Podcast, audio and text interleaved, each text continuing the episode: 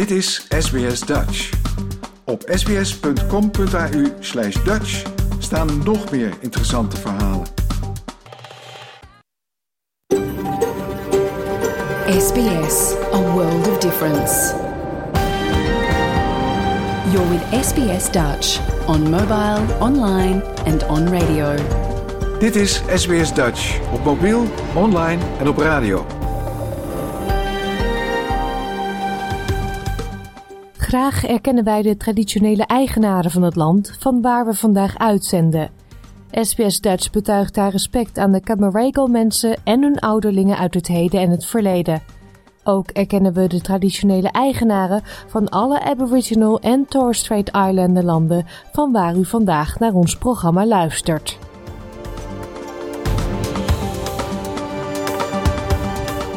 Een hele goede morgen. Mijn naam is Paulien Roesink. Het is zaterdag 28 januari 2023 en u luistert naar SBS Dutch, het Nederlandstalige radioprogramma van SBS.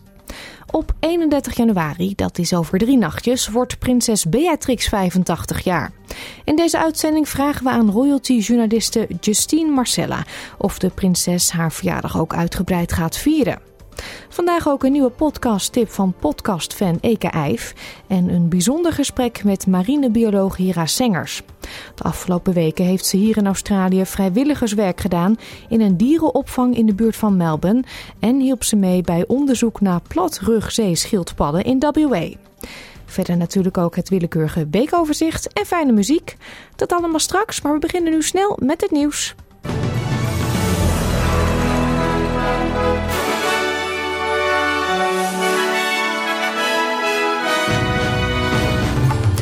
Dit zijn de headlines van het SBS Dutch nieuwsbulletin van zaterdag 28 januari.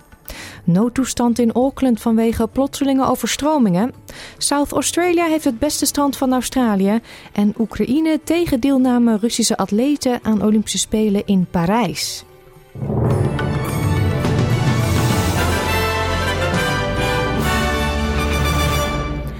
De burgemeester van Auckland heeft het feit dat het even duurde voordat de noodtoestand werd afgekondigd in de stad verdedigd. In de stad viel in 24 uur tijd meer dan 230 mm regen, met plotselinge overstromingen tot gevolg. Twee mensen zijn omgekomen en nog eens twee personen zijn vermist en die aantallen kunnen nog oplopen. De snelweg op het Noordereiland is op meerdere plekken afgesloten en op veel plaatsen is de stroom uitgevallen. Op de luchthaven van Auckland zijn duizenden mensen gestrand omdat vluchten zijn geannuleerd. In de stad zijn vier evacuatiecentra geopend. Premier Chris Hipkins zegt dat de hulpdiensten momenteel niet veel kunnen doen omdat er veel wegen afgesloten zijn vanwege die overstromingen. De burgemeester van Auckland, Wayne Brown, benadrukt dat het besluit om de noodtoestand af te kondigen op het juiste moment is genomen. Buckets. It's to be here uh, ensuring that the centre is well organised and that we are taking the appropriate steps at the appropriate time. Het kan maanden duren voordat de schade in heel Auckland is hersteld. Inwoner AJ, die in Milford aan de noordkant van de stad woont, vertelde bij radiozender Newstalk ZB dat zijn huis een van de honderden woningen is die is ondergelopen. It's just unbelievable. People walking through with suitcases on their head, you know, just nothing else they can do. This is just going to be massive. Er wordt met man en macht gezocht naar een mogelijk gevaarlijke radioactieve capsule die onderweg van een West-Australische mijn naar Perth van een vrachtwagen is gevallen. Er is een gezondheidswaarschuwing voor radioactieve stoffen afgegeven langs de 1400 kilometer lange route van de Pilbara naar een depot in Perth. Experts zijn ondertussen op zoek naar de capsule die zo groot is als een muntstuk van 10 cent. De Chief Medical Officer van Western Australia, Andrew Robertson, zegt dat mensen uiterst voorzichtig moeten zijn. If you see anything that looks like this source, um, we would urge people to stay away from the source and ideally stay at least five meters away. Um, do not touch this item if, if you believe it is the source. Don't put it in a bag, don't put it in your car. Indien gevonden moeten mensen contact opnemen met de brandweer en hulpdiensten. Voor het eerst heeft South Australia de felbegeerde titel Best Australian Beach in de wacht gesleept. Stokes Bay op Kangaroo Island staat bovenaan de lijst van Best Australian Beaches 2023. Die werd samengesteld door Tourism Australia. De lijst bevat tenminste één strand in elke staat en territorium. Zo staat Little Bondi in East Arnhem op de zevende plaats, terwijl Flying Fish Cove op Christmas Island als negende eindigde. Verder staan op de lijst ook Boomerang Beach aan de New South Wales Mid-North Coast, Rainbow Beach in Queensland, Apollo Bay in Victoria, Adventure Bay in Tasmanië en Hamelin Bay in Western Australia. In een gesprek met The Nine Network zegt strandexpert Brett Farmer dat er in totaal meer dan 11.000 stranden zijn in heel Australië en dat Stokes Bay het verdient om op de eerste plaats te eindigen. Uh, look, Stokes Bay is uh, a national treasure. It's bouncing back from bushfires, excuse the pun. Lots of kangaroos, but the beach itself is uh, one of those beaches that has a real mystique, if you like. You have to go through a winding, hand-hewn, cavernous tunnel, and uh, the curtains lift metaphorically and reveals a beautiful 500 metre stretch of uh, white sand and a gorgeous little uh, wading pool for kids, an aquarium-like atmosphere. Australiërs geven jaarlijks meer dan 8 miljard dollar uit aan abonnementen die ze niet meer nodig hebben of waarvan ze vergeten zijn dat ze ze hebben. Denk aan abonnementen op streamingsdiensten, oude paywall-accounts en online gezonds dieet- en trainingsprogramma's. Uit onderzoek in opdracht van ING Australië blijkt dat consumenten gemiddeld 1261 dollar per jaar kunnen besparen door te bezuinigen op abonnementen die voor hen niet langer nuttig zijn. De oppositieleider van West-Australië, Mia Davies, heeft gisteren haar ontslag aangekondigd. Twee liberale parlementsleden van de staat in het Lagerhuis hebben zich daarop kandidaat gesteld om haar op te volgen. Het gaat om de huidige plaatsvervangend leider van de liberalen, Libby Mattam, en David Honey, die samen zullen strijden om het partijleiderschap. De energiecrisis heeft in Nederland vorig jaar geleid tot meer en grotere energiearme huishoudens. Dat zijn vaak gezinnen met een laag inkomen en hoge energierekening. Uit berekeningen van onderzoeksorganisatie TNO blijkt dat 602.000 huishoudens kampen met energiearmoede, 90.000 meer dan in 2020. Dat komt neer op 1 op de 13 Nederlandse huishoudens. In 2022 was naar schatting 1 op de 3 energiearme huishoudens met een zeer slechte woning een gezin met kinderen. In 2020 was dat nog 1 op de 5. Bij zo'n 400.000 huishoudens is dankzij de financiële hulp van de overheid energiearmoede voorkomen, al dus TNO. Oekraïne start een internationale campagne om te voorkomen dat Russische atleten mogen deelnemen aan de Olympische Spelen van 2024 in Parijs. President Volodymyr Zelensky en de minister van Sport van het land zeggen dat Oekraïne een boycott van de Spelen niet uitsluit als Russische en Wit-Russische atleten onder een neutrale vlag mogen meedoen. Het Internationaal Olympisch Comité wil Russische en Wit-Russische atleten volgend jaar in Parijs graag laten deelnemen als neutrale. De Oekraïense skeletonracer Vladislav Heraskevich uitte kritiek op het plan van het Internationaal Olympisch Comité. we could see that it going on to this decision. So, like a lot of statements of Thomas Bach, where he says that Russian athletes are uh, not guilty and in Putin's war. So, like it's his quote that it's Putin's war. So, first of all, no, it's it's not Putin's war. Like it's not Putin who shoot the rockets. It's not Putin who like dying on, in Ukraine as a member of Russian army. De wisselkoers dan voor 1 Australische dollar krijgt u op dit moment 5, 66 eurocent, moet ik zeggen. En 1 euro is op dit moment 1,52 dollar waard.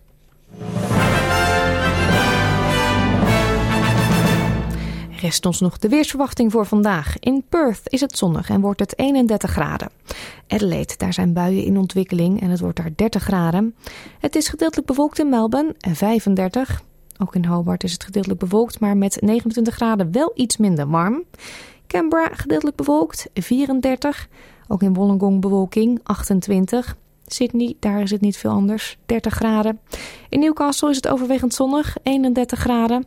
In Brisbane kunnen een paar buien vallen, 30.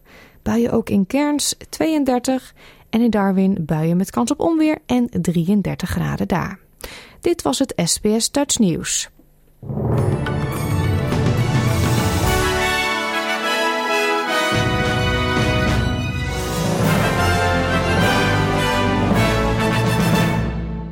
Nogmaals een hele goede morgen en welkom bij SBS Dutch. Straks vertelt Hera Sengers over haar vrijwilligerswerk met baby wombats en krijgt u podcasttips van Eke Eif. Maar eerst, er is er bijna eenjarig. Aanstaande dinsdag is het feest in kasteel Lage Vuurse, want dan viert prinses Beatrix haar 85ste verjaardag. Een mooie mijlpaal, zo lijkt ons, maar gaat het ook vieren? We vroegen het aan royalty-journaliste Justine Marcella. Dit is SBS Radio Dutch. Prinses Beatrix, ze wordt 85 jaar. Wat een mijlpaal. Ja, enorm. En in goede gezondheid. Natuurlijk heeft ze wel wat operaties gehad. Uh, uh, versleten knieën, uh, een staar. nou ja, klachten die voorkomen als je, als je wat levenservaring hebt.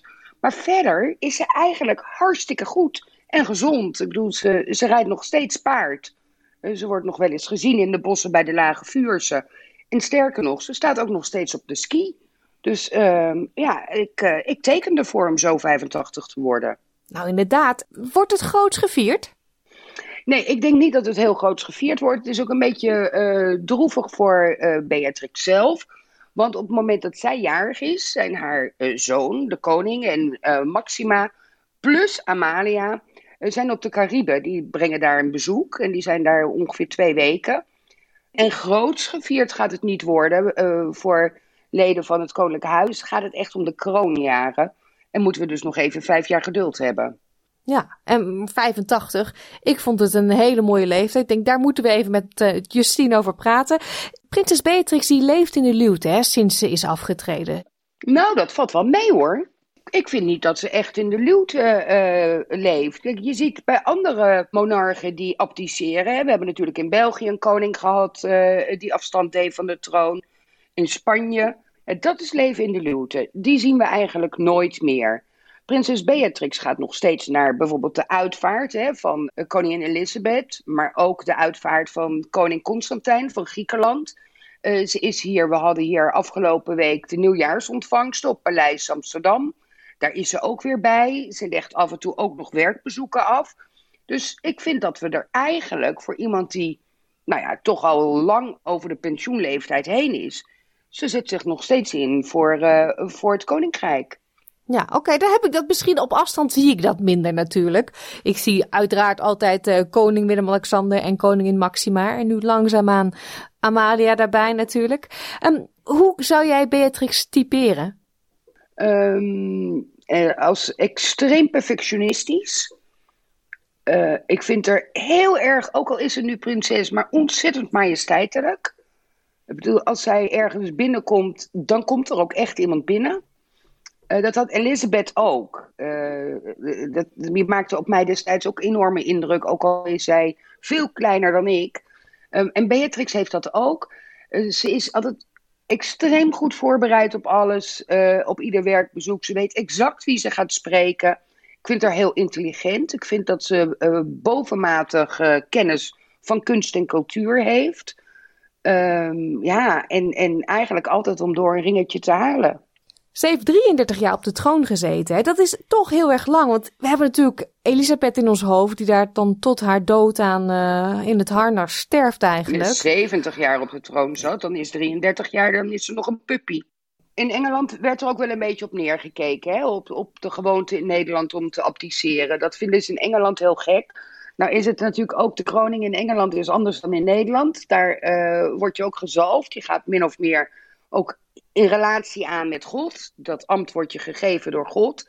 En een relatie met God eh, verbreek je niet. In Nederland zijn kerk en staat gescheiden. Dus hier is het uh, niet een verbintenis met God aangaan, maar een verbintenis met een land. Ja, en 33 jaar, ze heeft het best zwaar voor de kiezer gehad die laatste jaren.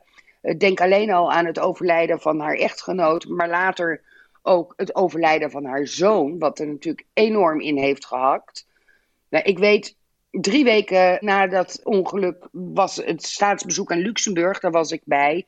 Je kon aan niets merken dat dit een moeder was met extreme zorgen over haar tweede kind. Dus eh, zo plichtsgetrouw is ze. Ja, dat lijkt me zo moeilijk aan dat vak, als ik dat zo mag noemen. Je ziet het ook bij Elisabeth. Zo plichtsgetrouw en zo voor het land eigenlijk. Ja, en dat, en dat heeft prinses Beatrix ook tot op de dag van vandaag. Ja. Kijk, Willem-Alexander en Maxima, uh, die zijn met z'n tweeën, dus die kunnen behoorlijk wat afspraken met z'n tweeën af. Daarnaast kunnen ze ook nog een beroep doen op Pieter en Margriet, op Constantijn en uh, Laurentien. Maar zeker ook op prinses Beatrix, die ook... Ze hebben op maandag hebben ze een, een vergadering in de Poetiezaal op Paleis Noordeinde. Een werkoverleg eigenlijk, met de top van de hofhouding. En Beatrix zit daar nog zeer regelmatig uh, bij om mee te vergaderen. Dus ze is echt, zowel voor als achter de schermen, nog een actief lid van het Koninklijk Huis. Ja, ze woont in Lage Vuurs hè, tegenwoordig. Ja, ze, ze, heeft, ze heeft natuurlijk in Lage Vuurs, waar ze vroeger heeft gewoond. Ze heeft ook nog een pied-à-terre aan het Noordeinde, de oude woning van toen nog uh, de prins van Oranje. En daarnaast Die hebben gewisseld. Ze, hebben min of meer gewisseld en daarnaast brengt ze ook heel veel tijd door in uh, Tavernel. Dat is haar Italiaanse Toscaanse vakantievilla. Die villa is eigenlijk in handen van haar zonen, maar Beatrix maakt er heel veel en graag plezier van. Ja, dat kan ik me voorstellen. Ze moet natuurlijk ook uh, genieten van het leven nu het nog kan.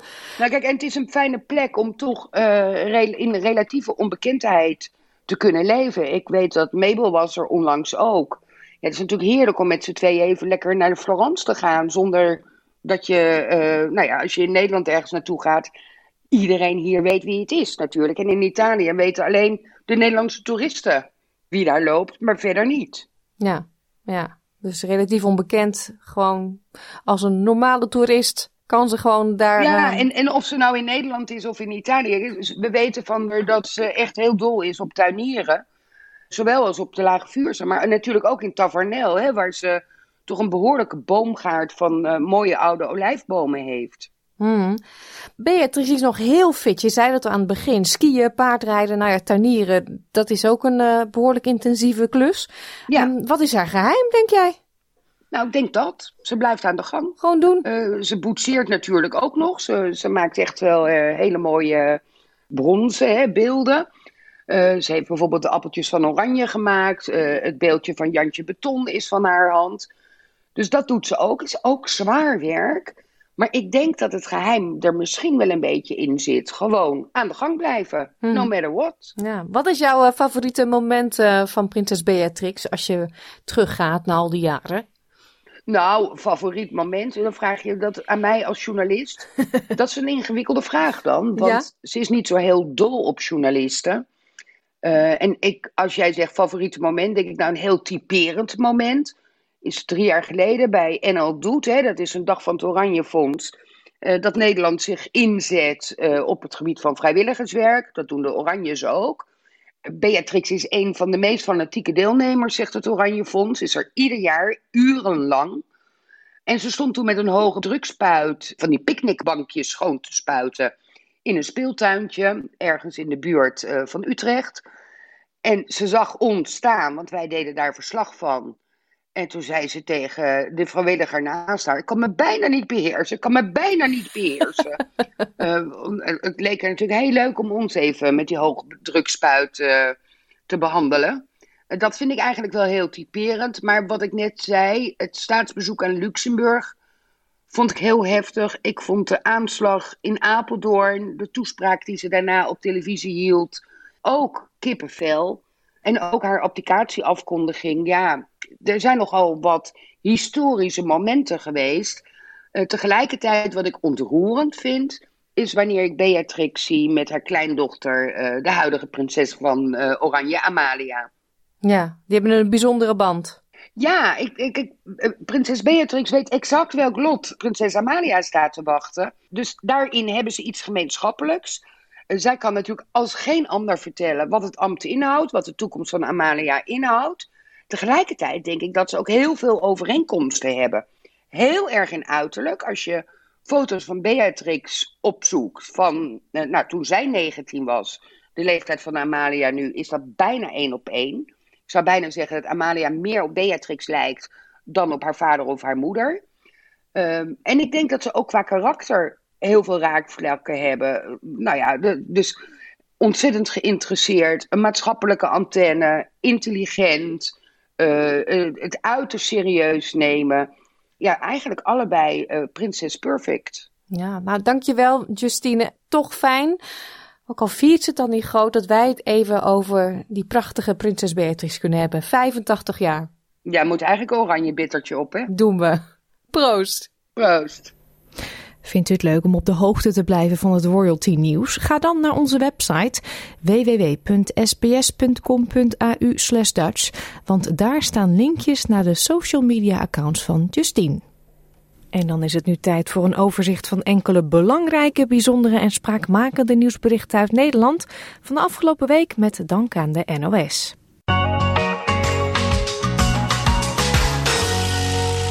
In steeds meer bibliotheken in Nederland krijg je geen boete meer als je je geleende boeken te laat terugbrengt. Meer dan de helft van de bibliotheken heeft het boetebedrag in een bepaalde vorm afgeschaft. Bij meer dan 30% van alle bibliotheken betaal je helemaal geen boete meer. Zo ook in Zutphen, waar dat heel goed uitpakt. We waren al boetevrij voor de kinderen. En we vonden het heel belangrijk dat iedereen uh, in deze regio gewoon boetevrij kan lenen. En vandaar uh, vanaf de afgelopen zomer dat, dat we boetevrij zijn. Uh, boetes konden heel snel oplopen, vooral als je veel boeken leent en die allemaal te laat terugbrengt. En dan wordt het een, best wel een dingetje als je dat moet gaan betalen. Er komen weer meer mensen, er wordt weer meer geleend. de boeken komen gewoon allemaal terug, geen probleem. En er is een prettige sfeer. Een belangrijke uitspraak in de rechtbank deze week. Youssef T., de voormalige advocaat van Ridouan Taghi en tevens zijn neef, werd veroordeeld tot 5,5 jaar cel. Het Openbaar Ministerie had 7 jaar cel geëist. Waar ging het om in deze zaak? Nou, Ridouan Taghi is hoofdverdachte in de grootscheepse liquidatieproces Marengo. Zijn neef T was lid van zijn advocatenteam en bezocht Taghi veelvuldig in de EBI, de zwaar beveiligde gevangenis in Vught, waar hij in afwachting van de uitspraak in zijn proces zit. Advocaat T werd in oktober 2021 aangehouden nadat duidelijk was geworden dat hij berichten van en aan zijn neef doorgaf. Volgens het OM vervulde T een sleutelrol in de organisatie. U hoort een stukje van het vonnis. De rechtbank kan vaststellen dat verdachte als advocaat berichten van en aan Ridwan Taghi heeft doorgegeven. Hierdoor konden criminele activiteiten door blijven gaan terwijl Ridwan Taghi vastzat in de extra beveiligde inrichting in Vught. De rechtbank kan bewijzen dat verdachte door zijn handelen deelnam aan een criminele organisatie waarin hij een sleutelrol vervulde. Dit is ten laste gelegd als feit 1. De rechtbank spreekt verdachte vrij van de overige ten laste gelegde feiten. En de rechtbank legt aan verdachte een gevangenisstraf op van vijf jaar en zes maanden. Het aantal mensen dat na overlijden organen heeft afgestaan steeg vorig jaar in Nederland naar 285. Een record. De stijging is waarschijnlijk het gevolg van een nieuwe wet waardoor iedereen standaard donor is, tenzij je online aangeeft dat je geen donor wilt zijn. De stijging is goed nieuws, maar om wachtlijsten weg te werken moet het aantal donoren twee keer zo hoog worden. Hoe lastig de zoektocht naar een orgaan is, weet Johan Boers, die een nierdonor vond dankzij een advertentie in de krant. We hebben een, eh, een stukje geplaatst in het uh, Algemeen Dagblad. Dat was mijn laatste kans eigenlijk wat we, wat we konden doen. En we hadden zoiets van, we zien het wel, kijken wat er reageert. Nou ja, daar heeft eigenlijk één iemand gereageerd. Ja, dat is geweldig. Ik bedoel, dat, is, dat, dat geeft zoveel extra's. Dat is natuurlijk, ja, dat, hoe iemand kan bedanken natuurlijk hiervoor. Want dat is, is niet iets wat, wat je zomaar doet. En wat heeft hij je daar, daarmee gegeven? Een nieuw leven. Ja, daar gaan we wel voor. En dat is ook zeker uh, de prognose die we hebben. We, we, krijgen weer meer energie. We gaan uh, steeds meer, we kunnen weer wat dingetjes ondernemen. Het, het, is een lang traject hoor, van mijn, van mijn kant. Ik bedoel, we zijn nu vier maanden verder. En, maar we gaan echt wel, uh, we zien het heel, ja, heel zonnig tegemoet. Het Europees Hof voor de Rechten van de Mens gaat zich buigen over het mogelijke aandeel van Rusland bij het neerhalen van vlucht MH17. Een grote opluchting voor nabestaanden Wim de Graaf en Gerda van der Waal, die hun zoon Laurens verloren. Ik vind het weer een heel belangrijk voor ons als nabestaanden een prachtig positief signaal. We laten er het niet bij zitten. En we worden Europees nu vandaag, vanmiddag ondersteund. Ik ben er heel blij mee. U staat er niet alleen voor? Nee, we staan er niet alleen voor. Het zou natuurlijk kunnen dat het zo lang duurt en dat Rusland ja, zoveel uh, smoesjes verzint dat er eigenlijk nooit een uitspraak komt. Is dan de behandeling alleen al, is dat al troostgevend? Uh, ja, want er wordt wat aan gedaan. Nu wordt in ieder geval wereldwijd bekendgemaakt dat de zaak zo belangrijk is om hem in behandeling te brengen, om de zaak verder te onderzoeken en Rusland eigenlijk te dwingen tot een andere houding ten aanzien wat ons uh, overkomen is en gewoon de aanslag op de MH17. Deze week is een van de twee nieuwe fietsenstallingen bij station Amsterdam Centraal geopend voor het publiek. Het is de eerste stalling onder water in Nederland en het biedt plaats voor, houdt u vast, 7000 fietsen. De NOS nam maar een kijkje en sprak met enkele enthousiaste fietsers en fietsprofessor Marco de Brummelstoet. Ik vind het echt heel indrukwekkend. En boven ons water, hè? Ik vind het fantastisch dat dit er is, want er is vaak op straat een puinhoop in Amsterdam. Zeker voor het station. En tegelijkertijd, wat een land dat we hier geld voor hebben. Dat vind ik ook wel heel bijzonder. Nou, ik denk dat je ten eerste gewoon laat zien dat je die treinfietsgebruiker uh, serieus neemt. Hè? Dat die ook gewoon behoefte heeft aan, aan een goede stalling. Deze stalling kost uh, 64 uh, miljoen euro. Maar als je ziet dat we tegelijkertijd honderden miljoenen uitgeven aan autoparkeren en aan snelwegen... dan is dit eigenlijk nog steeds maar een, een druppel op de gloeiende plaat. Ik denk dat in Nederland uh, onderschatten hoe belangrijk dat fietstreinsysteem is... en hoe belangrijk dat gaat worden in de toekomst van ons mobiliteitssysteem. En dit was hem, het weekoverzicht van deze week met dank aan de NOS.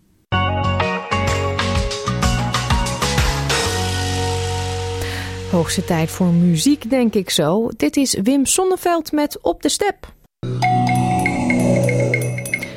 Marinebioloog Hera Sengers heeft zich de afgelopen weken in het zweet gewerkt bij onder meer dierenopvang Lockie's Legacy Wildlife Shelter in Peckingham, dat ligt in Victoria.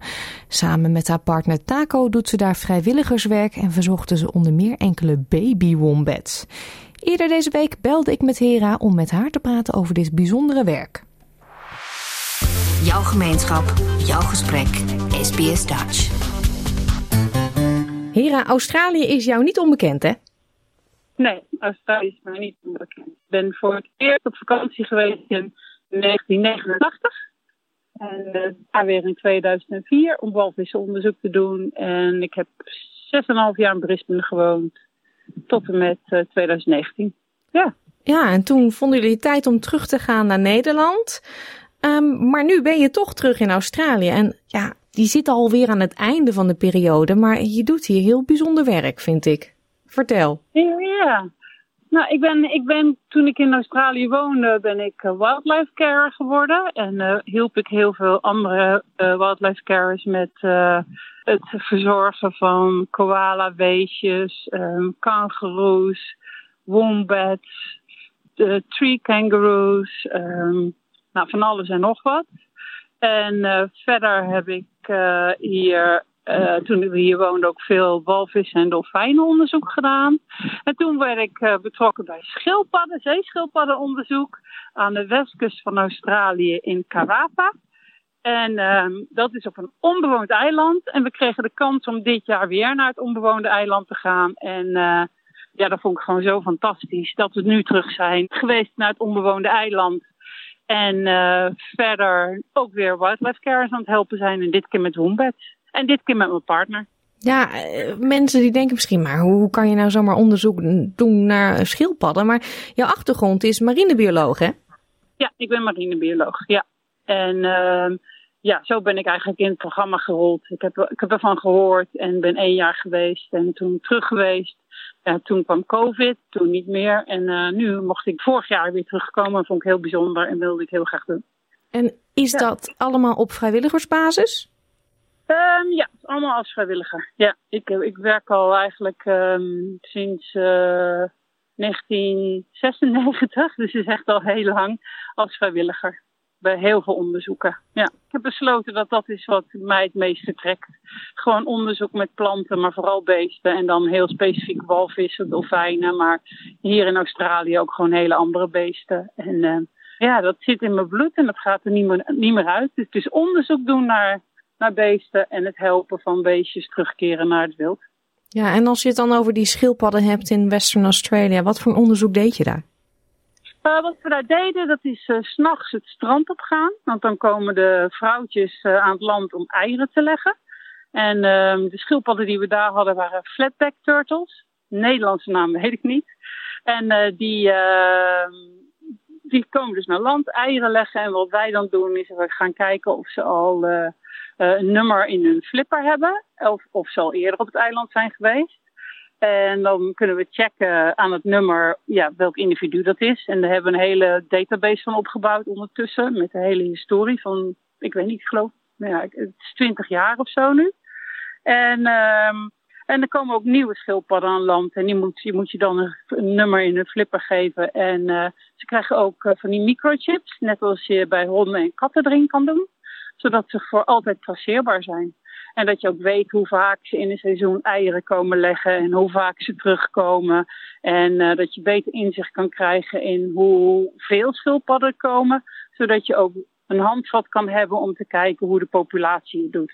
Komen er meer, komen er minder, zijn er meer nieuwe, uh, zijn er alleen nog maar oudjes die komen. En aan de hand van, de, van ja, het feit dat het individuele schildpadden worden door ze een nummer te geven, kun je heel veel informatie uh, halen uit ieder jaar dat onderzoek doen op de piek van wanneer de flatback turtles hun uh, eieren leggen. Ja, en hoe lang ben je op dat eiland geweest dit keer? Uh, twee weken. Is dat niet veel te kort? Ja, maar het mag niet langer dan twee weken. Want je doet het s'nachts. Ze komen s'nachts op het strand. Dus je loopt in het donker met rood licht. Dat, uh, daar hebben de schildpadden het minste last van. En um, ja, je werkt tussen de vijf en de acht uur op het strand. En het is allemaal ongelijk en je wandelt meer dan 10 kilometer s'avonds. Dus qua veiligheid willen ze niet dat je langer werkt dan twee weken. Ja. En, en nu zit jij in uh, Victoria, ergens ja, ten, uh, heb ik het goed, noordoosten van Melbourne, in ja, een wildlife reserve. Ja, dat klopt. Ik zit nu in Pakenham. En uh, dat is uh, ja, een uur rijden vanaf uh, Melbourne. En de wildlife reserve heet Lockie's Legacy. En is genoemd naar de eerste possum die ze hier hadden in uh, opvang. Die helaas het niet gehaald heeft. Maar nu hebben ze vooral wombats en ja, ook possums. En we krijgen veel vogels en eenden. En um, ja, maar ze zijn gespecialiseerd in wombats. Ja. Voor cuteness overload dan moeten we even naar onze website gaan. www.sbs.com.au slash Dutch. Daar staan echt een paar hele schattige foto's op van Hera met die wombats.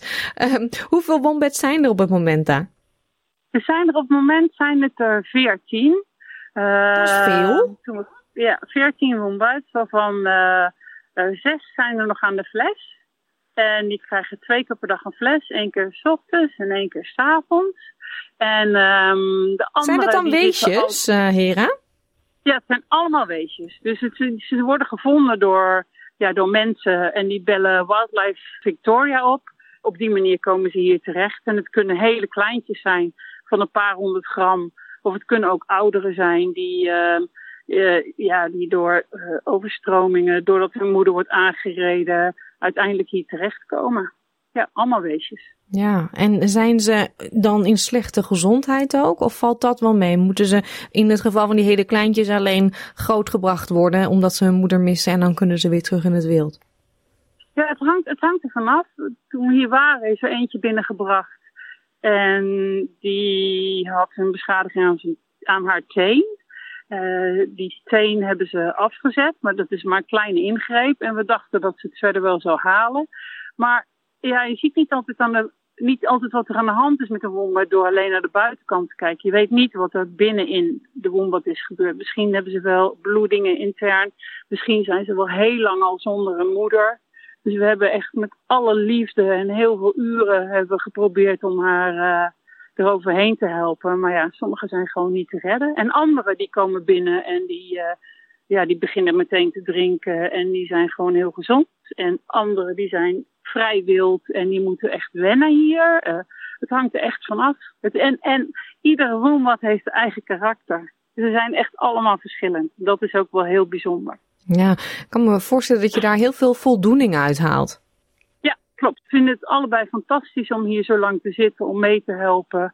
En je, we zien ook gewoon dat deze carers gewoon zoveel werk hebben.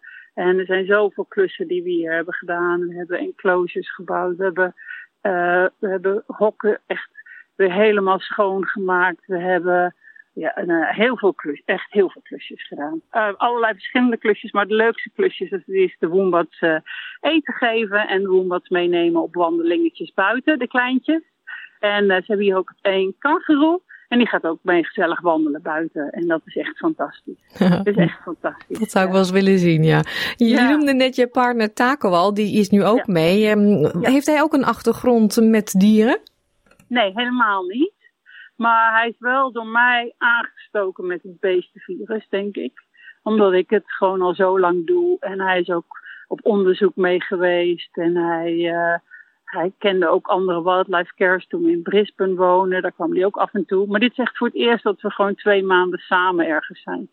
Dus uh, ja, en hij heeft het uh, onwijs naar de zin. Hij is heel veel klussen aan het doen. Hij is nu een heel nieuwe enclosure aan het bouwen voor, uh, voor wombats. En ja, hard werken. En, want wombats, die ja, het zijn, staan erom bekend dat ze echt overal proberen uit te breken. Dus dat moet echt gewoon erg goed gemaakt worden. En uh, vooral het doel is om het te doen van gerecycled materiaal. Dus dat er zoveel mogelijk niet nieuw spul wordt gekocht, maar dat er uit de buurt gerecycled materiaal wordt gebruikt om die enclosures gewoon veilig en uh, goed te bouwen. Ja, die twee maanden zitten er nu bijna op, hè? Ja, het is nog maar een paar dagen. We gaan maandag uh, gaan we weg. Ja. ja. ja. Hoe voelt dus, dat? Is het, is het goed geweest of had je nog wel een paar weken door kunnen gaan? Twee maanden is genoeg. Het is nu tijd om ergens anders heen te gaan. En uh, ja, ja, ja, de mensen bij wie we nu uh, hebben gewerkt, bij Lin en bij Don, uh, ja, die willen graag dat we terugkomen. Maar ja, ik, ik heb geen idee wat er gaat gebeuren. Want het blijft gewoon een, eind vliegen. En we hebben allebei wel echt het gevoel dat we, ook al hebben we dit hele eind gevlogen, dat we gewoon heel veel goed werk gedaan hebben hier in Australië met, um, met de wombats en, en, uh, en de possums en de vogels en de schildpadden. En dat geeft gewoon een heel goed gevoel. Nou, ja. Mensen die zitten te luisteren, kunnen die zich ook aanmelden voor dit soort vrijwilligerswerk? Want ik kan me voorstellen dat uh, sommige mensen opspringen van, hé, hey, dit wil ik ook. Ja, um, er zijn, um, er zijn uh, wildlife shelters die uh, gewoon werken met vrijwilligers die in de buurt wonen. En dan kan je gewoon een paar uur of een dag per week gewoon komen helpen. Er zijn ook wildlife carers die voor langere tijd mensen willen hebben. Het is gewoon zoeken op het internet ja, bij jou in de buurt waar er wildlife shelters zijn. En, uh, en gewoon uh, een e-mail sturen of bellen. Want er, er zijn, de meeste mensen die hier komen, die hebben helemaal geen achtergrond in biologie. Of uh, je moet gewoon hard willen werken, de liefde hebben voor beesten. En, um, Niet bang ja, zijn. Ja, niet bang zijn. Nee, nee. Nee. Nee, nee dat, dat is het. Dat, dat, dat is het. Maar je moet er gewoon wel zelf onderzoek, onderzoek naar doen. Maar op het internet is echt voldoende te vinden. Ja. Nou, prachtig werken, Hera. Dankjewel dat je je tijd hebt gegeven aan onze mooie Australische wildlife. Dankjewel en ja. veel plezier nog die laatste dagen. Ja, dankjewel. Graag gedaan. En leuk om jou gesproken te hebben. Meer informatie over de dierenopvang waar Hera de afgelopen weken heeft geholpen vindt u op onze website www.sbs.com.au/dutch. Bent u een vaste luisteraar van dit programma, dan weet u dat we maandelijks Nederlandstalige podcasts bespreken. En dat doen we met Eka die in de buurt van Brisbane woont en helemaal dol is op podcasts. Voor deze maand is de keuze gevallen op de drie volgende podcastseries: Van Oranje, Van Willem tot Amalia, De Ramp met de Phoenix en Docs. SBS Dutch, woensdag en zaterdag om 11 uur ochtends of online op elk gewenst tijdstip.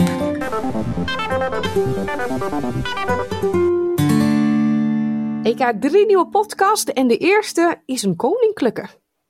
Ja, hij heet uh, Van Oranje, van Willem tot Amalia. En het is een nieuwe podcast van het Algemeen Dagblad. Uh, presentator Kevin Goes en koningsverslaggever Jeroen Smalen. Die gaan ons meenemen door de geschiedenis van de Oranje-dynastie aan de hand van tien bepalende figuren. En het eerste seizoen beslaat vier afleveringen en gaat over onze stamvader, Willem van Oranje. Ze beginnen met het vertellen hoe het komt dat een Duitse jongen van 11 jaar prins van Oranje-Nassau wordt. En ze zoeken uit wat het verband is tussen ons koninghuis en de Franse stad Orange. Voor meer ingewikkelde zaken roepen ze de hulp in van de biograaf René van Stipriaan. Ze beantwoorden vragen zoals waarom Willem van Oranje de bijnaam Willem de Zwijger had.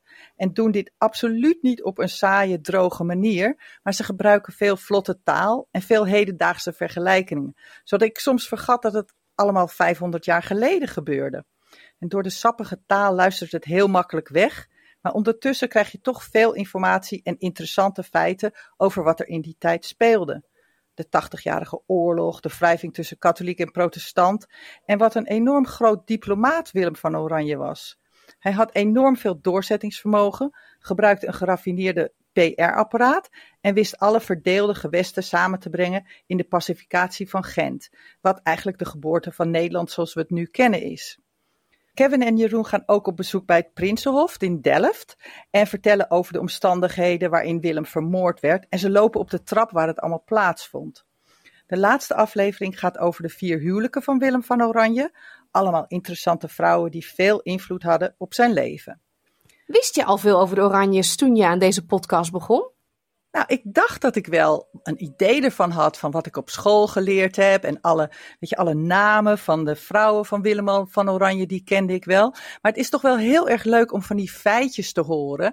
En ook om achtergrond te horen in hoe het helemaal in politiek Europa past. En het heeft mij nu veel meer een basis gegeven van dat ik weet waar ons Koningshuis vandaan komt en hoe dat opgebouwd is. Ik heb er veel meer van geleerd dan alle uren die ik op school eraan besteed heb. ja, en wat ook wel fijn is, het zijn korte afleveringen, hè? rond de 20 minuten. Ja, ja, zeker. Maar voor mij was het zo, ik heb het in één keer afgeluisterd en ik dacht meteen van, ik wil het volgende seizoen horen, want ik wil wel meer. Ik wil wel weten hoe het met die andere voorvaders van ons ging. Ja, gaat dat chronologisch? Want Willem van Oranje is één. Eh, moeten we nog heel lang wachten tot Amalia? Nou, ik hoop het niet. Ik, ik hoop. Oh, ze zeiden wel dat uh, ze gaan 200 jaar overslaan voor de volgende persoon. Nou, dat scheelt. en dan hoop ik dat ze snel uh, bij Amalia komen, want dat lijkt me ook heel interessant. Ja, het Koningshuis is toch iets wat ons verbindt hè, als Nederlanders in het buitenland. En dan zo die historie in lijkt heel interessant. Ja, vooral het Nederlandse Koningshuis. We hebben er toch een, uh, een verbintenis mee. En Kevin en Jeroen die hebben het ook steeds over, weet je wel, voetbal. En dan zingen we oranje liederen en dat soort dingen. En dat is toch waarom wij ons Nederlanders voelen. Ja, ik zeg altijd oranje is echt een spuuglelijke kleur, behalve met sport of zo. Dat is het gewoon de allermooiste. ja, heb je helemaal gelijk in. um, dat is dus... Van Oranje, van Willem tot Amalia. Ja. Wat is je tweede podcast? Ja, de tweede podcast uh, heet De Ramp met de Phoenix. En het is een uh, vijfdelige podcastserie gemaakt door Joske Meerdink voor Omroep Gelderland. En op een avond wandelt Joske door Winterswijk en besluit ze om over de begraafplaats heen te lopen. En dan ziet ze opeens daar een monument. En dat heeft ze eigenlijk nog nooit gezien. En dat gaat ze lezen. En het verhaal wat daarop staat intrigeert er heel erg. En dan gaat ze naar huis. En vier uur later zit ze nog steeds achter Google om uh, uit te zoeken van wat er nou eigenlijk gebeurd is. Ja, want ze komt zelf uit Winterswijk, hè? geboren en getogen. En ze heeft nog nooit eerder van de Phoenix gehoord en wat er gebeurd is. Dat klopt. Halverwege de 19e eeuw waren de leefomstandigheden in de Achterhoek en ook verder in Nederland en de rest van Europa heel erg slecht, vooral voor arbeiders. Dus mensen gingen op zoek naar plekken waar ze een beter leven konden vinden. En uh, veel mensen die gingen naar Amerika. En helemaal veel mensen uit de achterhoek die gingen naar Amerika. En in uh, 1947 gingen 84 mensen uit Winterswijk die gingen op een schip naar Amerika. En natuurlijk is dat een enorme zware reis met enorm veel ontberingen. Er waren ook, uh, ik dacht, 42 kinderen bij die 84 mensen. Dus heel veel gezinnen met kleine kinderen die een betere toekomst wilden voor hun kinderen, die deden dat. En ze hadden een hele lange reis, kwamen aan in Amerika, ging allemaal goed, moesten ze weer naar andere schepen. En toen waren ze bijna op de plaats van bestemming. En toen vloog hun schip in brand. En zijn bijna alle mensen op dat schip zijn verdronken in het koude water van Lake Michigan. En er zijn maar tien mensen die uit Winterswijk die hebben het overleefd. Um, Even een kleine correctie. Je zei 1947, maar het is 1847. Ja, 1847. Iets Ja, langer ja, ja, ja. geleden. Maar eh, zij noemt het in de podcast gekscherend de Titanic van de Achterhoek. Ja, absoluut. Alleen is dit natuurlijk veel minder bekend. En dat komt omdat deze mensen die aan boord van dit schip waren, veel minder geld hadden, veel minder beroemd waren. En het schip natuurlijk ook veel minder bekend was dan eh, de, de Phoenix was veel minder bekend dan de Titanic. Ja, zij gaat eigenlijk achterhalen wat nou precies dat verhaal was, wie erop eh, zaten op dat schip. Ehm, ze duikt er helemaal in, hè? Want eh, omdat Joske uit uh, Winterswijk komt en er 84 mensen uit Winterswijk op dat schip waren, denkt ze, misschien zit er was er wel familie van mij op dat schip. En dat wil ze gaan uitzoeken, dus ze duikt helemaal in stambomen, komt in contact met mensen in Amerika die dat ook gedaan hebben. Ze komt in Amerika ook in contact met een shipwreck hunter. En op een gegeven moment zit ze zo diep in het verhaal dat ze denkt: ik moet naar Michigan om het allemaal zelf te zien en te ervaren wat daar gebeurd is. Dus dat gaat ze doen. Ze gaat naar Michigan. En het leuke aan deze podcast vond ik: het is een interessant verhaal. Het wordt heel spannend verteld.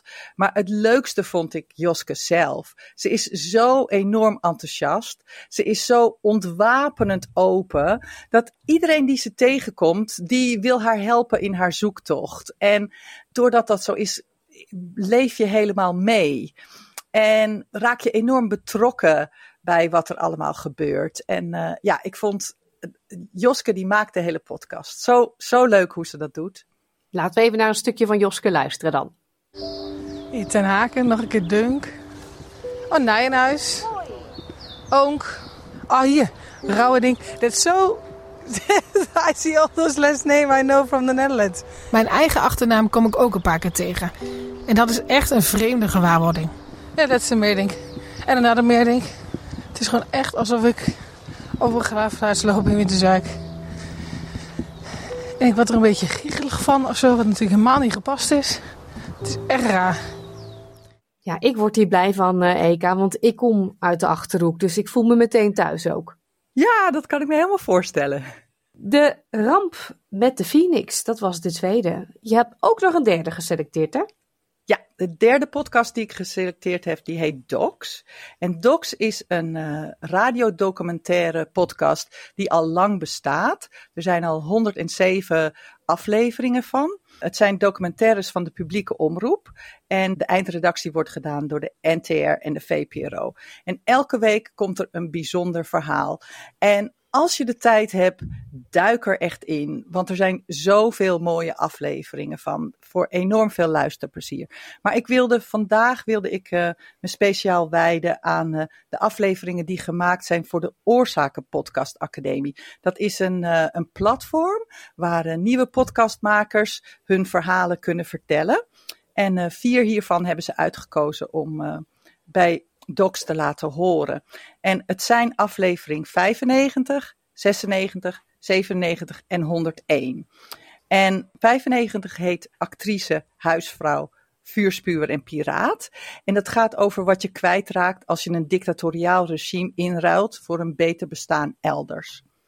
Aflevering 96 heet Co en de boomgaard, waarin het verborgen verleden van een dementerende vader ontdekt wordt aan de hand van foto's op een laptop aflevering 97 heet 1 op de 90. En het is een documentaire waarin drie intersexe personen vertellen hoe het is te leven met een lichaam dat niet in een hokje van een man of vrouw past. En de laatste, aflevering 101, heet Getekend. En het is het documentaire debuut van Elena Dikomitis over de gevolgen van trauma op het kinderbrein, waarvoor ze de Rising Star Audioprijs ontving. En wat me raakt in al deze vier afleveringen is dat het enorme persoonlijke, eerlijke verslagen zijn van dingen die de verteller dicht aan het hart ligt. Wat maakt dat je er heel goed mee kunt verbinden en wat eigenlijk verlangt van dat je zelf ook afvraagt: wat vind ik hiervan? Hoe ga ik hiermee om? Hoe zou ik hierop reageren in deze situatie? En het zijn stuk voor stuk verhalen die ons keer op keer leren meer begrip en compassie te hebben voor de mensen om ons heen. Hmm, docs, dus iedere aflevering gaat over een ander onderwerp. Iedere aflevering is meestal één documentaire. Soms hebben ze twee afleveringen. Als een documentaire te lang is, dan splitsen ze in tweeën. Maar meestal is het gewoon één aflevering. En uh, als je in je podcast-app deze podcast opzoekt en je drukt op het plusje, dan abonneer je erop. En dan krijg je elke week zo'n fantastisch verhaal op je podcast-app. En uh, ze stellen mij nooit teleur. En zijn dat dan ook wat langere afleveringen? Omdat ja, één uitzending maar per onderwerp. Uh, nee, dat verschilt een beetje. Sommige afleveringen zijn uh, nou, tussen een half uur en 45 minuten. En soms hebben ze ook hele korte documentaires en dan doen ze er vier in één keer. Pas geleden was een hele leuke over de enige berg in Nederland. En dan hadden ze vier hele kleine verhaaltjes van mensen die op een verschillende manier naar die berg keken. Eh, ik vond het heel erg leuk om naar te luisteren. Wat leuk. En heel gevarieerd natuurlijk, de onderwerpen enorm gevarieerd. Dus je kan kijken naar de uh, onderwerpen en uitkiezen wat jij interessant vindt. En uh, ja. Nou noemde jij een paar afleveringen, uh, 95, 96, 9701. Welke van die is je favoriet? Hmm, heel moeilijk, want ze zijn allemaal zo anders. En, en uh, moet ik kiezen? Of maar... nou ja, ik wil graag van één van die een stukje laten horen laat, natuurlijk. Laat een stukje dan horen van de eerste, nummer 95. Actrice, huisvrouw, vuurspuur en piraat. Komt-ie. Wat is hier met ons gebeurd? Waarom zijn mijn ouders niet meer de ouders uit mijn herinnering? Hoe kunnen mijn herinneringen zo ver liggen van de mensen die ik nu ken? Ik vraag het mijn moeder. Nadat we samen hebben gegeten bij haar thuis, terwijl mijn vader in het ziekenhuis ligt. Je herinner je uh, alleen de mooie dingen, omdat we hebben jou geprobeerd te beschermen tegen de uh, realiteit.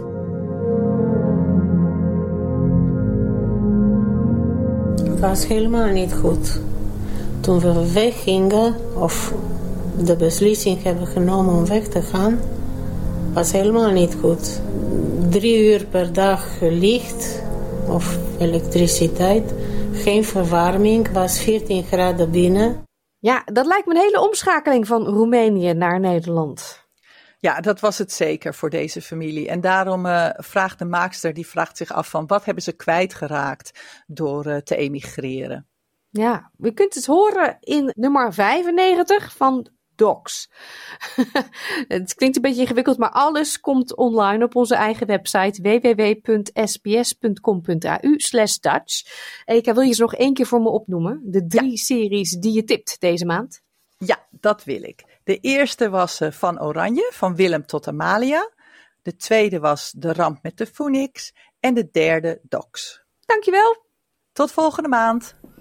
En hiermee komen we aan het einde van deze uitzending. Al onze verhalen en podcastseries zijn dus terug te luisteren op onze website www.sbs.com.au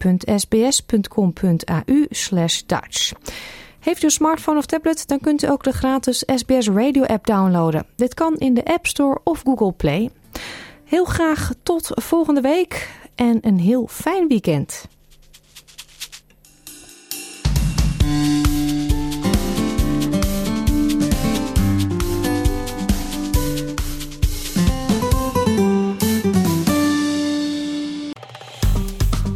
Like, deel, geef je reactie. Volg SBS Dutch op Facebook.